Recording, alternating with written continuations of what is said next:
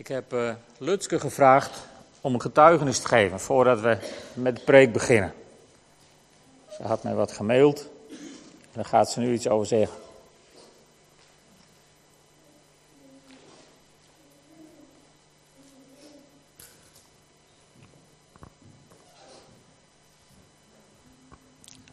Nou, mijn getuigenis gaat eigenlijk over wat dit lied uh, zingt. Is uh, niet toevallig, denk ik, maar dit lied heb ik echt heel lang vanuit, als een soort schreeuw uit mijn hart naar God toegezongen. Want ik zag dus om die liefde, om die liefde van God. En gisterochtend, toen zat ik in een, ja, tussen een groep mensen. En we kregen les over hoe God spreekt hoe we Gods stem kunnen verstaan. En toen zei God tegen mij, hè, het was een oefenmoment. Mijn lieve dochter, wat goed dat jij hier bent. Wat heerlijk dat je naar mij verlangt. Ik houd zoveel van jou. Ja, en ik geniet vol, van, vol teugen van hoe jij uh, naar mij verlangt. Daar, daar geniet ik dus in volle teugen van. Jij bent mijn vreugde. Laat mijn vreugde. Uh, oh, ik heb hem in het Fries geschreven, daardoor. Ik doe het gewoon in het Fries. Mijn dochter, wat goed, dat zat. Nee, uh, wat goed, dat je best. Wat heerlijk, dat naar mij verlangst. Ik hou zelf vol van die. Oh. en doe, neemst, ja, en ik geniet ik volle teugen van die. Want doe best mijn vreugde. Let me ik dien vreugde wezen. Mijn vreugde jou ik die. Dus blauw in mijn vreugde. Ja, dat was wat God tegen me zei gisterochtend. En uh, voordat ik dit kon aannemen, heb ik best wel uh, een hele lange periode van zoeken gehad naar God, naar zijn innige liefde. Ik heb het overal gezocht. En op het moment dat ik uh, mijn, mijn, leven aan Jezus overgaf, toen uh, ontdekte ik dat ik daar die liefde kon vinden. Vanuit die liefde die God voor mij had, doordat hij, ja, door wat hij laat zien, door wat Jezus voor mij heeft gedaan. En die onvoorwaardelijkheid van die liefde. En dwars door alle moeilijkheden heen, ik ben zwaar depressief geweest. Ik wil eigenlijk niet te veel over het verleden hebben, want het ligt achter mij. Maar uh, ik ben zwaar depressief geweest. We hebben een heel zwaar huwelijk gehad. Waarop ik op een gegeven moment op het punt stond om weg te gaan. Ik heb toen een, uh, een, een echtscheiding aangevraagd. En juist in die periode was God heel, heel dicht bij mij. Ik, ik vluchtte constant naar zijn... Uh, ja, bij hem op schoot, zeg maar. En ik vroeg, Heer, wat moet ik doen, wat moet ik doen? En toen zei God tegen mij, het maakt niet uit welke keuze je maakt, maar de weg die je nu gaat is een weg van het lijden. Daar moet je doorheen. Dus als ik nou. En toen heb ik dus besloten om, uh, om bij mijn man weg te gaan. En, uh, en toen kwam ik pas echt. Ja, werd mijn hart echt gebroken. Ik werd helemaal. Ik was helemaal de weg kwijt. En ook in die periode heb ik de duivel uh, leren kennen als de grote verleider. Hij, uh, hij spiegelde mij een, een, toekomst voor, heerlijk. Op mijn eigen, in mijn eigen huisje met een eigen baan en lekker vrij, buiten het huwelijk. En toen ben ik weer naar God toe gevlucht. Ik zei, Heer, wat moet ik hier nou weer mee? Dit is, dit is wat ik verlang, maar dit is volgens mij niet wat u wilt.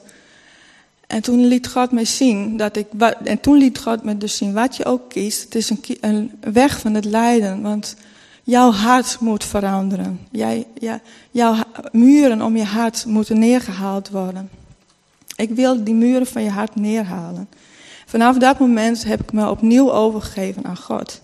Heb, ben ik die weg gegaan. En uh, God greep zelf in met zijn Heilige Geest. Hij en doordat ik, uh, ja, dat hij ook mij vulde met zijn geest, met zijn liefde, kon ik deze weg gaan. En uh, ook toen, we, toen er weer omgedraaid werd, dat die scheiding dus. Uh, want oh ja, dat was omdat Jezus op een gegeven moment ook vanuit de Bijbel tegen me zei: Je moet vergeven. Vergevingsgezindheid, dat is de weg van redding, de weg van ja, ook door het lijden heen, maar het is wel de goede weg. Dus ik ben een weg van vergeving gegaan. Door de kracht van de Heilige Geest, want zelf kon ik het niet. En uh, hij heeft uh, alles hersteld. Hij is uh, zo geweldig goed, zo geweldig in zijn liefde, in zijn genade. Dus het maakt niet uit welke keuze je maakt. Het is dat je de keuze bij de Heer, aan de Heer overgeeft. Van Heer, dit is ja, waar, ja. En ook de weg durft te gaan die God voor jou bedoeld heeft. Waar Hij je doorheen wil helpen. En ook al is het een zware weg met heel veel pijn, met heel veel verdriet. Maar dat is wat God dus in, ja, liet zien in mijn hart. Ik, ik had muurtjes opgebouwd omdat ik me eenzaam voelde, omdat ik me niet begrepen voelde, omdat ik me verworpen voelde. Uh, ik, was ook, ik haatte eigenlijk mezelf ook, omdat ik nooit goed genoeg kon doen in mijn eigen ogen. En dat heeft God allemaal genezen in die periode. Dat was door de, ja, eigenlijk door de, de woestijn heen. Hè, zoals het ook wel in de Bijbel staat. Je gaat door de woestijn. Maar in die woestijn is God zo dichtbij. En geeft hij ook water. Echt water vanuit de hemel. Dat levende water van God.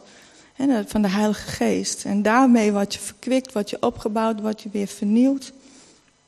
En zo uh, kan ik hier nu ook staan. Want ik durf ook nooit uh, ergens te spreken of zo. Ik ben, ik ben eigenlijk een persoon die het liefst lekker dicht bij God op, uh, op schoot kruipt en de hele wereld even buiten laat. Maar, uh, en zo reageer ik soms nog steeds op dingen hoor. Dan wil ik weer schuilen. Maar God zegt nee, ga staan.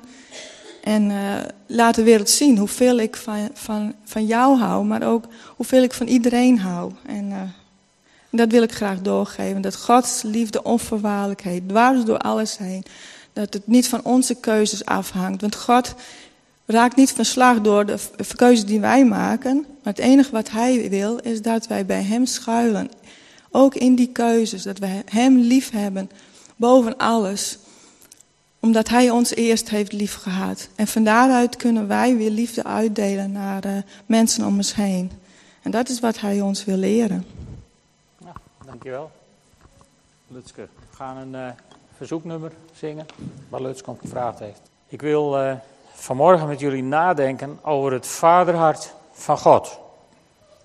En daarbij uh, heb ik niet een, een, specifiek Bijbelgedeelte, maar we gaan eigenlijk de hele Bijbel door met elkaar om het hart van God te ontdekken. En de eerste vraag is natuurlijk, mag je zomaar zeggen dat God een hart heeft? Want God is natuurlijk geen mens. Hij is, ja, wij zijn gemaakt naar zijn gelijkenis, maar dat wil nog niet zeggen dat hij precies is zoals wij. Maar in Genesis 6, vers 6, daar staat, er staat eigenlijk een heel droevig zinnetje. Daar staat in de nieuwe Bijbelvertaling dat God er spijt van kreeg dat hij de mensen had gemaakt. En hij voelde zich diep gekwetst, staat er in de nieuwe Bijbelvertaling. Maar in de herziene staatvertaling en in de NBG en veel andere vertalingen, daar staat dat het God pijn deed in zijn hart. Of het smartte hem in zijn hart, kennen we uit de NBG-vertaling. Dus God heeft een hart. En God heeft een hart wat pijn kan hebben. God heeft een hart wat verdriet kan hebben. God heeft gelukkig ook een hart wat lief kan hebben. En genade kan geven. En hoe is dan dat hart van de Vader? Nou, als je de Bijbel doorgaat, en kijkt naar de weg van God met de mens, dan kom je heel veel aan de weet over het hart van de Vader. Dat vaderhart van God.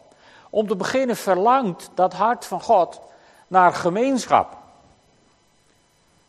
In den beginnen schiep God de hemel en de aarde, zegt de Bijbel. En, en God had een hemel vol engelen. Je zou, als je het over het hart hebt, bijna kunnen zeggen: hij had alles wat zijn hartje begeert. Maar het waren allemaal individuen om hem te dienen. En hij had niemand kennelijk om gemeenschap mee te hebben. En daarom zegt God op de zesde dag van de schepping: Laten we mensen maken naar ons beeld en onze gelijkenis. Dus mensen die op ons lijken, waar we op ja, van, van hart tot hart misschien wel mee kunnen communiceren. Waar ik contact mee kan hebben, waar ik mee kan praten. En zo, zo maakte God de mens. En God maakte de mens ook niet alleen. We lezen dat zo mooi in Genesis 2, vers 18, dat God dacht: Het is niet goed dat de mens alleen is. Ik zal een helper maken die bij hem past. En die helper is dan niet zo, zo, zo de, de, degene die daar is om alle problemen op te lossen, maar gewoon een maatje, een gelijkwaardig iemand die bij hem past. En dan maakt God de dieren en hij brengt ze allemaal bij de mens. En daar zit niks tussen wat Adam echt uh, helemaal ondersteboven houdt. En dan uiteindelijk komt God met een rib uit zijn lijf. En dan komt hij met Eva op de proppen en Adam roept eindelijk. Vlees van mijn vlees, gebeente van mijn gebeente. Iemand die op mij lijkt. En weet je, zo moet God ook, ook gedacht hebben. Volgens mij, toen hij de mens had gemaakt en zijn levensadem in de mens had geblazen. En de mens daar op aarde ineens daar was. Moet God gedacht hebben, eindelijk iemand naar mijn beeld en mijn gelijkenis, waar ik contact mee kan hebben. Niet iemand om alleen maar mij te dienen, maar iemand om gewoon eens een goed gesprek mee te hebben. En dat deden ze kennelijk ook in het paradijs. Als je dat leest in Genesis 3, net na de zondeval, daar horen ze in de koelte van de avondwind de stappen van God. Ze horen God wandelen. En dat was niet de eerste keer dat ze God hoorden wandelen, want dan hadden ze geen flauw idee gehad van wat ze hoorden. Dus dat was gewoon. Ik stel me dat zo voor dat, dat na een dag in het paradijs waar Adam en Eva hun opdracht uitvoerden om de schepping te beheren en onder hun gezag te brengen, dat God zo s'avonds even langskwam en dat ze door de hof wandelden en communiceerden, gemeenschap hadden, praten over allerhande dingen. De zon samen zagen ondergaan. En genoten van al dat bijzondere wat God had gemaakt in de schepping.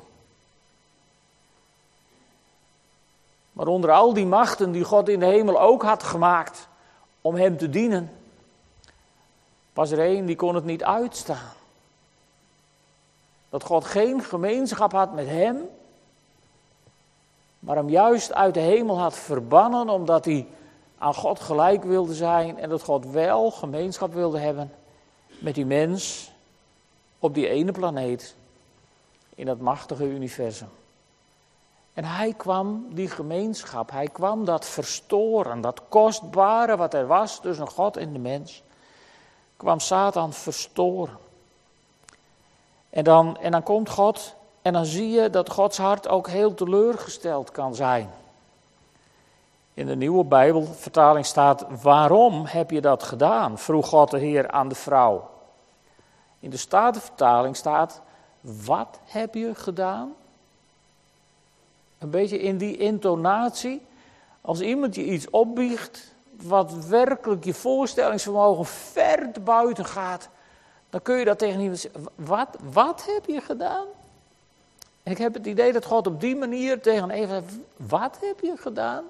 Hij kon het zich niet voorstellen dat dat, dat was gebeurd. Dus het ergste wat, wat je God kon aandoen. Je was gemaakt om zijn beeld en zijn gelijkenis te zijn, maar je was hem gaan wantrouwen. Want Satan had toch gezegd: Jullie mogen hier zeker nergens aankomen. Weet je wel, dat soort praat. En uiteindelijk had hij Eva ingefluisterd van, je gaat niet dood als je van die vrucht eet. Je wordt aan God gelijk. Dus wat hem niet was gelukt, wilde hij de mens laten doen. Aan God gelijk worden. Door wantrouwen te zaaien. En wantrouwen is dodelijk voor een relatie.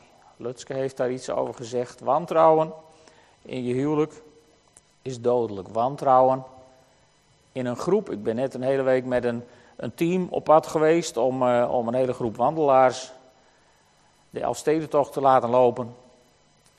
En in zo'n team moet je elkaar vertrouwen. Blindelings, want je moet onder redelijke druk moet je een hele hoop werk doen met een krappe bezetting. Dan moet je elkaar blind kunnen vertrouwen. Als dan je dag bestaat uit wantrouwen en, en achterdocht, dan heb je, zeker als je na een paar dagen wat moe begint te worden, heb je ruzie. En in een gemeente is het niet anders. Als er wantrouwen is, tussen, tussen leden en, en bestuur, of tussen oudsten onderling, of in een muziekteam, of in welk team in de gemeente dan ook, als het vertrouwen in elkaar en in God er niet is, dan is dat ongelooflijk schadelijk. En dat is wat Satan kwam doen. Hij kwam met wantrouwen tussen de mens en God. En uiteindelijk ging het mis. De mens maakte een verkeerde keuze. En God zei: Wat heb je gedaan? En weet je, toen kwam de genade in de Bijbel in beeld. Toen zei God niet: Nou, weg met jullie. Ik boetseer wel een nieuwe of zo. Dat had hij makkelijk kunnen doen. Maar dat deed God niet. Om te beginnen kwam hij met die geweldige belofte in Genesis 3, vers 15. Vijandschap sticht ik tussen jou en de vrouw, tussen jouw nageslacht en het haren. Zij verbrijzelen je de kop, jij bijt hen in de hiel. Met andere woorden, we zouden er nog wel last van hebben. Maar uiteindelijk zou de overwinning aan onze kant zijn, dankzij God. Dus hij kwam ogenblikkelijk met genade. Het eerste wat God doet na de zondeval en het tweede wat God doet, is dat hij met een paar dierenvellen aankomt. Zo van nou hier heb je eerst wat om aan te trekken. Genade. Genade geestelijk van ik ga, ik ga je niet laten vallen. En heel praktisch en heel fysiek. Iets warms om je aan te kleden. En om door de tijd te komen. En dan begint God, als je de Bijbel leest, begint God aan een proces van herstel van de gemeenschap. Je ziet in, in de Bijbel hoe, hoe de aarde steeds bozer wordt en steeds slechter wordt. En, en, en, en er wordt nogal wat in de hiel gebeten, wat God had gezegd. Maar dan zomaar tussen al die mensen die steeds verder van God afdwalen, is daar die ene man, Henoch. In Genesis 5, vers 24 staat: Henoch leefde in nauwe verbondenheid met God. Aan zijn leven kwam een einde doordat God hem wegnam. Tenminste, dat denken we, maar niemand heeft dat gezien. En niemand heeft hem ook ooit weer gevonden. Henoch. Kun je daar iets bij voorstellen? Midden in die slechte wereld was er één man en die wandelde met God. Hoe dat er dan maar ook uit heeft gezien. Hij wandelde met God en ik denk op een zekere avond dat Henoch tegen God heeft gezegd: Moet ik, moet ik terug?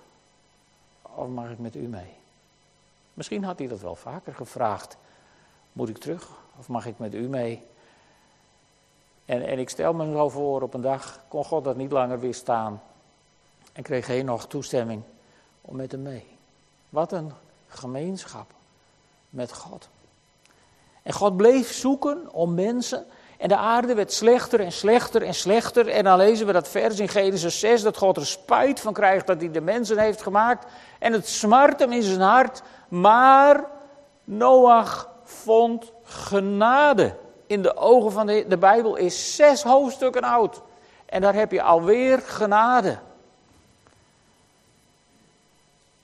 Want Noach wandelde met God, net als Henoch. Zo staat het in de Bijbel. Noach wandelde met God en dan zomaar ineens spreekt God weer met een mens.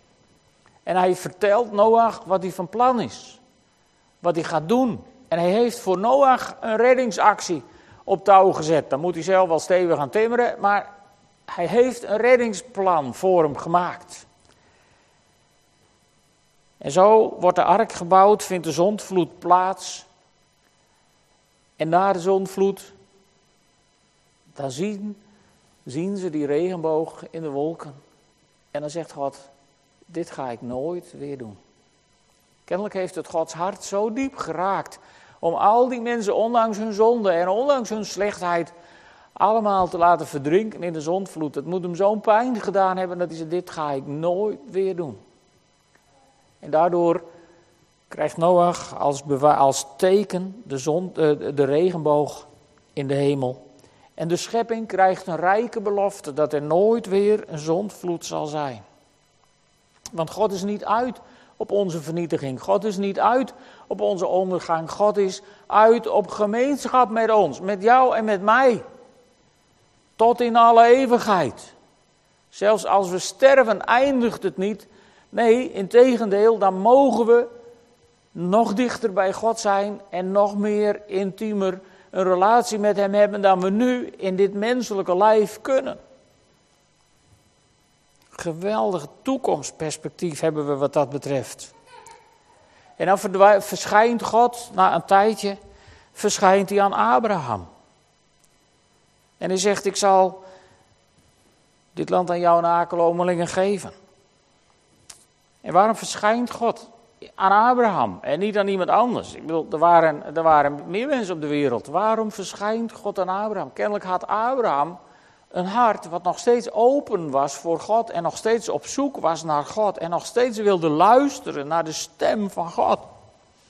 En midden tussen al die mensen op de wereld pikt God er één mens uit. En dat kun je rechtvaardig vinden of niet, dat, daar gaat het nu even niet over. Maar God pikt er iemand uit die open is voor een relatie met hem. En zo gaat God met Abraham op reis naar het beloofde land.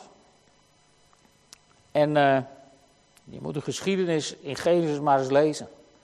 Abraham was geen volmaakt mens. Abraham die vlucht naar Egypte, laat zijn vrouw liegen dat ze zijn zusje is. Was niet helemaal een leugen, het was een halve leugen, want het was zijn half zusje. Maar in ieder geval, Abraham was bereid om te laten gebeuren dat Farao zich zou verontreinigen met zijn vrouw, om zijn vrouw af zou pakken, maar hem in leven zou laten. En zijn zoon Isaac, die doet later precies hetzelfde. En diens, zijn kleinzoon Jacob, die, die, die liegt de hele boel aan elkaar in de hoop om God een handje te helpen. Dus, dus het was geen supergeslacht. Het waren geen heiligen die helemaal volmaakt waren. Maar het waren de mensen die God had uitgekozen. En de mensen die een relatie met God wilden. En ondanks hun fouten en hun misstappen. hield God ze vast en ging hij zijn weg met hen. En dan verdwijnt dat volk ineens van de kaart.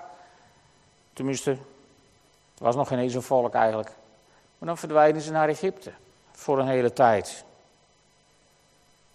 Hebt u zich wel eens afgevraagd waarom ze naar Egypte verdwenen? Later in de Bijbel lees je dat de maat van de zonde van de volken in Canaan nog niet vol was. Met andere woorden, in zijn genade was God bereid om het geslacht wat hij bestemd had om, om een volk te worden wat dat land zou bewonen. In zijn genade was God bereid om dat geslacht 400 jaar te parkeren om die andere volken de kans te geven en de mogelijkheid te geven om zich te bekeren en om, om weer bij God terug te komen, om de relatie met God te herstellen. En toen ze dat in al die jaren niet hadden gedaan, was eindelijk de maat van de zonde vol en mocht het volk uit Egypte om dat beloofde land te veroveren.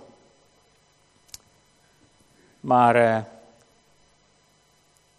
dan zijn we in het boek Exodus aangeland.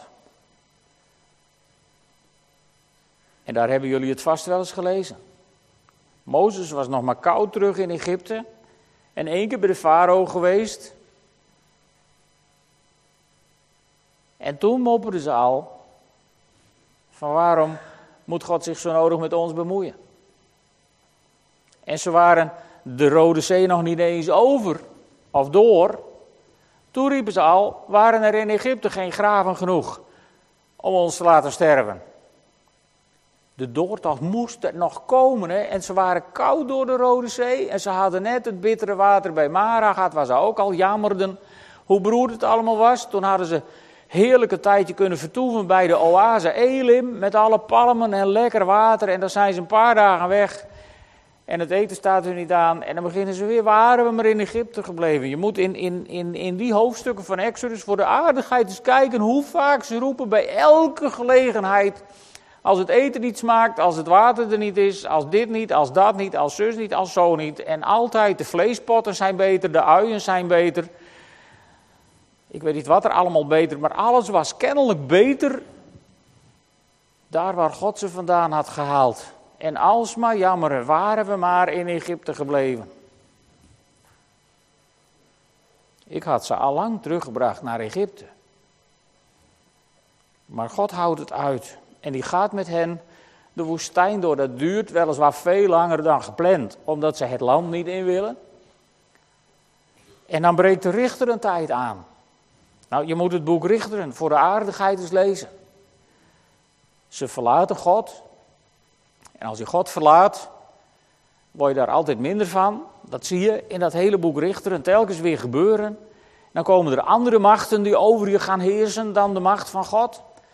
En als het hun dan te veel wordt, dan ineens is God goed genoeg en dan roepen ze, Heere, bevrijd ons. En dan stuurt God een richter en die bevrijdt ze van de vijand en de richter is amper dood. En ze keren God de rug weer toe en dan gaan ze weer. En dan beginnen ze weer, Heere, help ons. Nou, je moet even lezen hoeveel richteren er zijn. Elke keer, je zou, om het, het is wat oneerbiedig misschien om het zo te zeggen, maar je zou haast zeggen, elke keer trapt God er weer in. Nee, hij trapt er niet in. Hij houdt zo onnoemelijk veel van dat volk. En hij heeft zich met zijn belofte aan hen verbonden. Dat hij ze elke keer weer uit de rommel haalt. En elke keer knapt hij het weer op. En dan komt de koningentijd. Nou, die boeken moet je ook maar eens lezen. Dan heb je weer een koning die zoekt God en dan gaat het weer een beetje. En de volgende koning die zegt tegen zijn vader, nou pa, leuk zo, maar ik doe het anders. En ze verlaten God weer en er komt weer allemaal ellende en weer allemaal goed. En elke keer komt God met herstel. Elke keer komt er een profeet die hun komt waarschuwen, die hun terugkomt roepen naar God. Elke keer maar weer. God moet een engelengeduld hebben met mensen. Hij moet wel ongelooflijk, verschrikkelijk veel van mensen houden. Dat hij dat die hele Bijbelse geschiedenis door telkens weer zo heeft gedaan. En uiteindelijk komt God zelf naar deze wereld in de persoon Jezus Christus.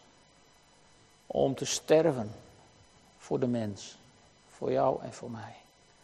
En als je dan net het Oude Testament hebt gelezen en je hebt gezien hoe zij met God omgingen, dan kun je je daar absoluut helemaal niks meer bij voorstellen. Hoe God dat ooit in zijn hoofd heeft gehaald om dat te doen. Als iemand de liefde van God wil begrijpen, dan raad ik je aan om het Oude Testament te lezen. En te kijken hoe ze elke keer weer de boel verpesten en hoe God het elke keer weer op orde brengt. Nou, en, en, en, en je moet maar eens kijken hoe vaak dat zich herhaalt. En voor die mensen stuurt God zijn zoon naar deze wereld om voor ze te sterven. Als iemand dat snapt, dan mag je het zeggen. Dit is voor mij zo'n bewijs van, van Jesaja 55, vers 8 en 9. Mijn plannen zijn niet jullie plannen en mijn wegen zijn niet jullie wegen, spreekt de Heer. Want zo hoog als de hemel is boven de aarde, zo ver gaan mijn wegen jullie wegen te boven en mijn plannen jullie plannen. En ik zou erbij willen zeggen, mijn liefde jullie liefde en mijn genade jullie genade. Het is voor ons niet te bevatten. Het is tegen natuurlijk. Maar soms Soms laat God je daar een, een heel klein stukje van voelen. Ik was, eh, ik was de afgelopen week dus met, met, eh, met, met de wandelaars op stap. En uh, donderdagavond komt er iemand met een bloedspoor achter zich aan, aanwandelen. Want die was onder de douche geweest en die dacht, ach, laat ik de pleisters even van mijn blaren trekken. En die had zijn voet gestroopt bloeden als een varken. En die kwam eraan. En dan is je eerste reactie. Dan denk je, nou ja, dat zal ik jullie besparen. Wat je eerste reactie is, die weet je dan gelukkig ook in te slikken. En je gevoel denkt van nou, die zoekt het maar uit. Hoe dom kun je zijn? Maar ogenblikkelijk daar bovenoverheen en dat is daar misschien wel dat hulpverlenershart wat er in je zit. Ogenblikkelijk daarboven overheen kwam die uitdaging van hoe krijg ik hem over de finish. En daar zijn we mee begonnen. We hebben er eens even naar gekeken met een paar mensen en ik ben eraan begonnen te knutselen. En, en vrijdag hebben we er ook nog een paar keer aan geknutseld. En zaterdag in de harmonie hebben we samen gevierd dat hij er was. En zijn medaille kreeg. En weet je, toen, toen, ik daarover nadacht, gisteravond laat en, en, en vanmorgen, toen dacht ik, dat, dat, Dat lijkt een heel klein beetje, ik bedoel, mijn hart is absoluut niet te vergelijken met het vaderhart van God, begrijp me goed. Maar dat lijkt er een heel klein beetje op, hè. Want dan komen we bij God en dan hebben we zo'n zooi van ons leven gemaakt. En misschien dat God dan eerst ook wel denkt. Dingen die hij even niet zegt. En misschien dat God ook wel denkt, jongen, jongen, jongen, zoek het uit. Maar ogenblikkelijk daar overheen is daar dat vaderhart van God. Wat naar die mens kijkt die zo'n puinhoop van zijn leven heeft gemaakt. Dat God denkt, en hoe krijg ik jou nou over de finish? En ik kan je één ding, één ding beloof ik je, die vrijmoedigheid neem ik vanmorgen, één ding beloof ik je.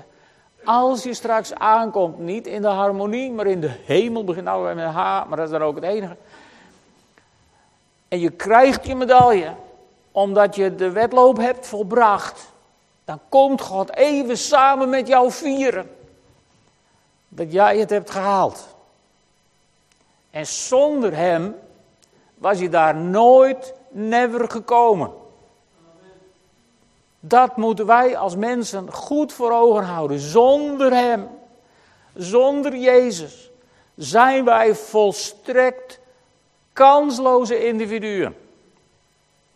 Er is geen enkele andere optie. Wat mensen je ook proberen wijs te maken. Er zijn misschien vele wegen die naar Rome leiden, maar Jezus is heel duidelijk geweest. Ik ben de weg, de waarheid en het leven. En niemand komt tot de Vader dan door mij. En dat mag de wereld buiten de kerk exclusivistisch vinden. Dat is dan maar zo. Maar zo staat het in de Bijbel. En weet je, dat vaderhart van God, dat kijkt dwars door de zooi van jouw leven heen. En dat vaderhart van God denkt, maar jou wil ik straks zien bij de eindstreep. En daar ga ik alles aan doen. Alles wat in mijn vermogen ligt, ga ik in de strijd gooien. Om jou straks bij het grote feest aan het eind te ontmoeten. Daar heeft hij alles voor gedaan. Maar weet je, wij moeten het leren begrijpen. En dat is zo moeilijk. In Jesaja hebben we dat gezien in Efeze 1, vers 18. Daar staat: Mogen uw hart verlicht worden, zodat u zult zien waarop u hopen mag, nu Hij u geroepen heeft. Hoe rijk de luister is die de heiligen zullen ontvangen, daar hebben we nog geen flauw benul van. Maar God wil het ons laten weten. En daarvoor vertelde Jezus gelijkenissen toen hij op aarde was. En misschien wel de meest bekende is, is die van de verloren zoon in Lucas 15. Die zoon die tegen zijn vader zei: Geef mij het erfdeel. Ik las daar laatst een stukje over vanuit, vanuit zeg maar, Oosterse ogen gezien. En als hij daar tegen je vader zegt: Geef mij mijn erfdeel, dan bedoel je: Ik wou dat je dood was, want ik ben naar die erfenis toe. Hetzelfde is het eigenlijk wat Absalom deed met de bijvrouwen van zijn vader op het dak van het paleis. Hij nam zijn erfdeel voor het oog van het volk in bezit en daarmee verklaarde hij van mijn vader moet dood, want ik neem de erfenis. En elke vader, elke vader in Israël, die wist precies wat hij moest doen met zo'n zoon. Dat staat namelijk ook in, in de Torah. Zo'n zoon, die moest je meenemen naar de oudsten in de poort en dan moest je zeggen, deze zoon wil dat ik dood ben, maar hij wilde erfenis. En dan moest vader met de oudsten, die moesten hem samen stenigen tot hij dood was. Dat was de wet. En deze vader, die neemt niet zijn zoon bij het oor en die sleurt hem naar de poort, naar de oudsten. Maar deze vader, die doet het absoluut ondenkbare, onmogelijke. Hij deelt zijn bezit in tweeën en geeft zijn zoon zijn deel. Dat kan niet. Dat kon niet. Dat mocht niet. Het was tegen de wet, maar die vader deed het anders. Niet dat het die zoon veel plezier bracht. Ik bedoel, dat lezen we ook verderop in het verhaal. Maar wat dan zo sterk is in dat verhaal, is dat vader niet die zoon laat gaan met alles. Zo van nou, zoek het uit, daar ben ik af. Nee, die vader die heeft kennelijk, als je de gelijkenis leest, vanaf dat moment op de uitkijk gestaan om te kijken of hij ook terug zou komen. En weet je, wat je in je leven ook uitvreet, als je de vader verlaat of de rug toekeert, bij hem vandaan dwaalt, dan staat hij op de uitkijk naar jou vanaf het moment dat je daarmee bent begonnen. En je hoeft niet heel ver terug te keren naar God voordat hij begint te rennen om de afstand tussen jou en hem te overbruggen. Toen de jongste zoon besloot, ik zal naar mijn vader gaan, toen zag de vader hem van verre, zag hij hem komen. En toen bleef hij niet staan van nou eerst maar eens kijken of het de goede wel is. En die vader, die rende naar hem toe. Die vader vernederde zich tot in het diepst van het stof, want een Oosterse vader, die rent niet. Die schrijdt hoogstens. Maar deze vader niet, die rende naar hem toe. Stond voor gek voor iedereen die het zag. Viel zijn zoon om de hals en hart tegen hart ontmoetten ze elkaar opnieuw. En het was feest. Dat is het vaderhart van God. Die vader die tegen Mozes zei: Ik ben barmhartig voor wie ik barmhartig wil zijn. Ik schenk genade aan wie ik genadig wil zijn. En dat regelde hij 2000 jaar geleden op een heuvel buiten Jeruzalem, op Golgotha. Daar brak het hart van God en hij greep niet in.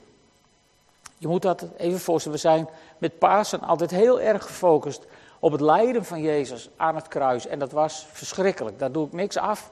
Maar, maar laten we heel even proberen na te denken over het lijden van de Vader. De vaders en de onder, moeders onder ons, die, die zullen het begrijpen. Ik, ik sprak uh, een, een collega bij het Rode Kruis, heeft kort geleden haar dochter verloren na een zwaar lijden. En als je die moeder daarover hoort vertellen, dan gaat je dat door merg en been. Er was een vader in de hemel. Een vader in de hemel. Die zag zijn zoon tot het uiterste gemarteld. De wreedste dood sterven. Die de ene mens de andere kan aandoen. En die vader, die had het knopje onder zijn vinger. Om daar in één keer een eind aan te maken. Van dit gaan we niet doen. Dit maak ik niet mee. En die vader in de hemel, die ziet dat gebeuren. Zijn hart breekt om zijn zoon. En hij drukt niet op het knopje om er een eind aan te maken. Maar hij drukt op het andere knopje om het licht uit te doen. En hij keert zich om om het niet langer aan te zien.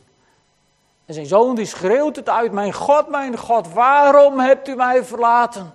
En God keert zich niet om om er een eind aan te maken. Maar hij laat het gebeuren.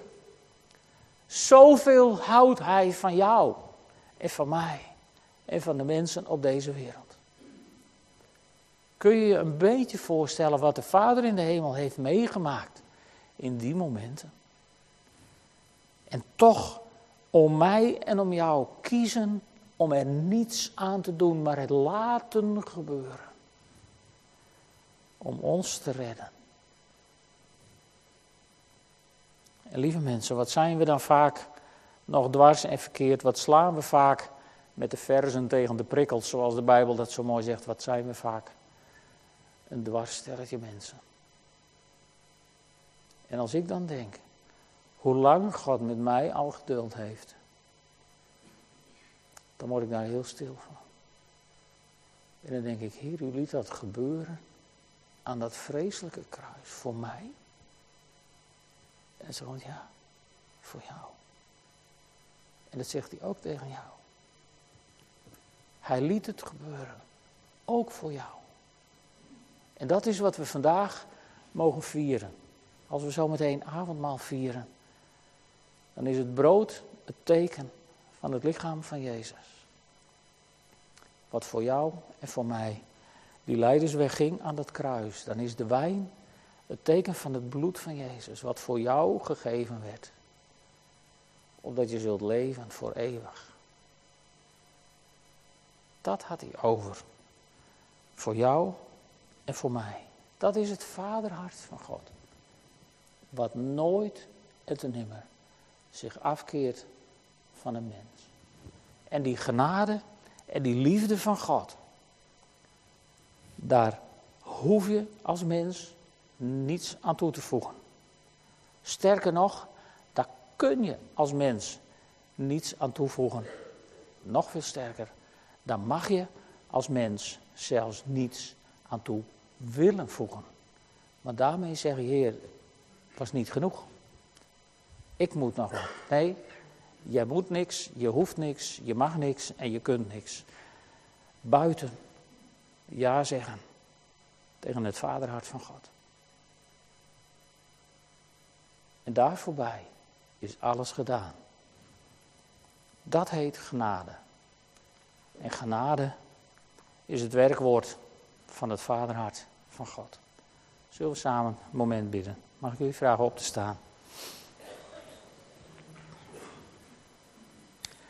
Vader in de hemel, uw liefde voor ons is onbegrijpelijk en onbeschrijfelijk. Vader, ons hart zal het nooit ten volle kunnen bevatten. En ik bid u, doordrenk ons zo van uw genade. Dat we ook elke poging zullen opgeven om er zelf nog iets aan toe te voegen. Of er nog iets aan te doen. Want uw offer op Golgotha was een volkomen verzoening voor al onze zonden. Daar dank ik u voor, Heer, uit de grond van mijn hart. En ik bid u, open ons verstand meer en meer, zodat we zullen begrijpen hoe groot de hoogte, de breedte, de lengte en de diepte is. Van uw liefde, van uw genade. Heere God, toon ons steeds meer van dat grote vaderhart van u. Dat bid ik in de naam van Jezus. Amen. We mogen gaan zitten.